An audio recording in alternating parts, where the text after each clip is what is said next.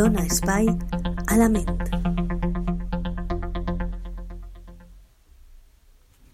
Hola a tots i totes, benvinguts una setmana més a Dona Espai a la Ment. Avui m'agradaria parlar-vos de l'autoestima. Què és l'autoestima? Bé, l'autoestima és la capacitat que tenim les persones per a valorar-nos. És a dir, és una capacitat que té molt a veure amb l'autoconfiança i l'opinió general que tenim de nosaltres mateixa, com a conseqüència de fer les coses bé amb, o amb èxit. És important perquè, segons siga esta, ens sentirem més o menys capaços o estarem més o menys eh, dispostos a fer determinades coses. Per exemple, eh, si la nostra autoestima és negativa, ens pot resultar molt difícil aconseguir algunes metes o objectius, perquè els nostres pensaments i opinions eh, afectaran la manera en la qual ens sentim i ens comportem. Per exemple, la baixa autoestima pot ser fàcilment reconeguda per les declaracions negatives que fem de nosaltres mateixos. Per exemple, quan ens plantegem qualsevol meta i diem jo sóc incapaç d'aconseguir això, jo no puc.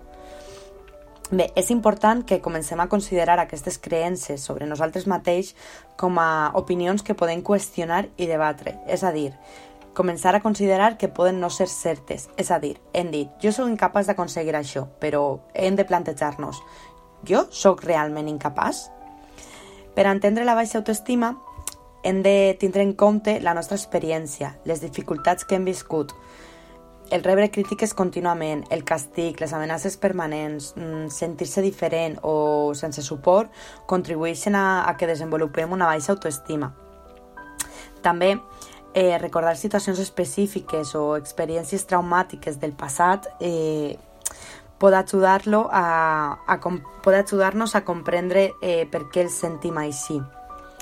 Però bé, el, el més important és que hem de saber que la, la responsabilitat de canviar és nostra, que no importa el difícil que hagi sigut el nostre passat o el, que, el, lo difícil que està sent el nostre present, sinó que nosaltres tenim en la nostra mà la, la possibilitat de canviar i estan al nostre abast els mitjans per a canviar i els èxits que, que puguem aconseguir seran nostres. Es, som els únics protagonistes de la nostra vida i això hem de tindre-ho molt clar. El més important per a, per a canviar la percepció de, de la nostra autoestima és la motivació. Per exemple, quan, es, quan ens plantegem inicialment un canvi, podríem, podem sentir ganes de, de passar a l'acció immediatament. Però a vegades eh, simplement volem pensar i quedar-nos quiets. És normal tindre aquest tipus d'experiència de, quan, quan comencem a pensar en, en canviar, però hem de, hem de prendre'ns el, el nostre temps per a, per a fer-nos unes preguntes referides al canvi, com per exemple aquestes preguntes poden, son, poden ser com d'important és per a mi canviar i tindre una visió més positiva de mi? O què és el que fa que siga important per a mi el canvi? Què em fa tan difícil canviar? Com crec que afectarà que es canvi a, a la meva vida, a la meva autoestima?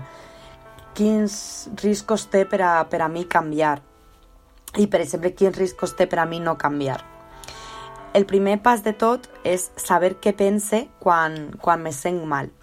La forma en què pensem influeix de manera directa en com ens, en com ens sentim i això determinarà la nostra conducta.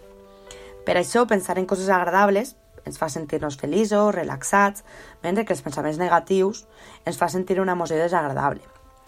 Quan els pensaments negatius apareixen en la nostra ment sense cap sentit i sense control, es denominem pensaments automàtics negatius. El diàleg autocrític intern crea una, una sensació d'inutilitat, és a dir, cada, cada vegada que apareixen aquests pensaments eh, pense, que, pense en afirmacions autodegradants, com per exemple no tinc res bo, sóc un desastre, no serveix per a res, i aquestes són els que, els que creixen i alimenten els sentiments de desesperació i de baixa autoestima. Els pensaments automàtics, negatius, produeixen errors a l'hora d'interpretar els fets, i són els, el que denominem distorsions cognitives, com per exemple les distorsions cognitives més, més comuns en els casos d'autoestima són exagerar el negatiu, Per exemple, centrem l'atenció sempre en lo negatiu, sempre. No vem res positiu, vem tot negre, no, no llegida. Per exemple, estem al treball i, i mm, fem una errada. I pensem que per aquesta xiqueta errada, siga la que siga, eh, po podem despedir-nos. És una, una distorsió negativa. Altra seria la hipergeneralització. Això vol dir que a partir d'un fet aïllat, d'un fet únic, es fa una regla general i universal. Si vaig cometre un error una vegada, sempre fracassaré. Per exemple, eh, si en relacions amoroses una persona ens, ens, ens, ens rebutja, nosaltres podem pensar que mai va voler-nos ningú.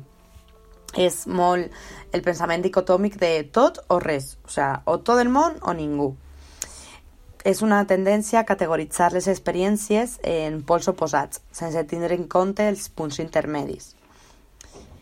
Eh, altra distorsió cognitiva són les conclusions precipitades, com pot ser la, la lectura del pensament. Eh, nosaltres pensem, eh, bueno, pensem, no sabem el que pensen les altres persones de, de nosaltres eh, jo suposo que altra, altra persona o que tot el món me, pren i estic tan convençuda d'això que no, que no me prenc la molesta ni de comprovar-ho. O sigui, estic avorrint a la gent perquè perquè ho pense i perquè ja està, no, no, hi ha cap, no hi ha cap opció. També és l'error de l'endeví. Eh, imaginem que succeirà una cosa roïn i i ja està, i com sé que va succeir algo roïn, ja estic mal. Eh, altra, altra distorsió cognitiva és la personalització.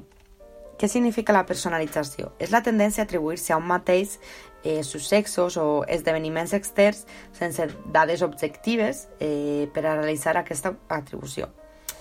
Per exemple, eh, un pare mmm, ha acabat la segona avaluació del, del xiquet a l'escola i quan veu que, té, que el xiquet té notes negatives, pensa, sóc un mal pare. Sóc un mal pare, perdó.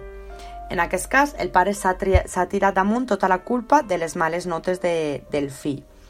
Bé, per a superar aquest perillós hàbit mental que és la personalització, és necessari que siguem eh, tres passos.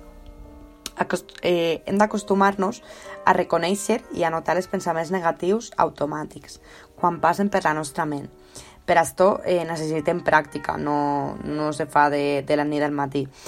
I per això és important, important que quan ens sentim mal, eh, trist, tristos, irritats, enfadats o a mira, eh, prenguem consciència del que, del que està passant i facem com, com un, un registre d'aquestes emocions.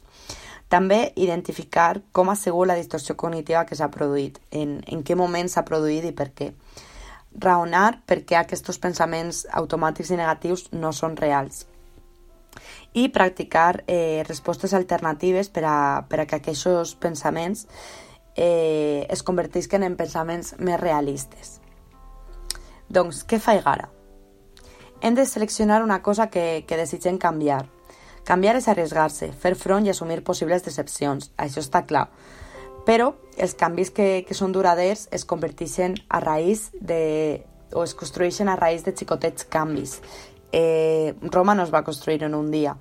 Necessitem cada vegada anar pujant un escaló més. Hem d'aprendre a eixir de la nostra zona de confort, de la nostra zona còmoda, eixir de les situacions i, i de les coses habituals i eixir a propòsit, planificant i en seguretat. També hem de començar a experimentar situa les situacions de manera diferent ja que la nostra autoestima no és una cosa fixa. Canvien les diferents etapes de la nostra vida i canvien les diferents situacions. Bé, per a concluir, no cuidar d'un mateix comporta un perill per a la nostra salut. Si estem constantment cuidant altres persones i oblidant les nostres pròpies necessitats, probablement eh, estarem construint una baixa autoestima. Patirem estrès, frustració, un baix estat d'ànim i per això és important que recordeu que, que només vosaltres teniu el, el control de la vostra vida i el control de ser la persona que vulgueu ser. Cal aprendre a acceptar-se eh, i el més important, aprendre a acceptar-se sense condicions i sense limitacions. Espero que us hagi eh, paregut interessant aquest tema i la setmana que ve parlarem de la relació entre l'autoestima i les redes socials o les xarxes socials que tan, tan importants són ara per al, per al nostre dia a dia.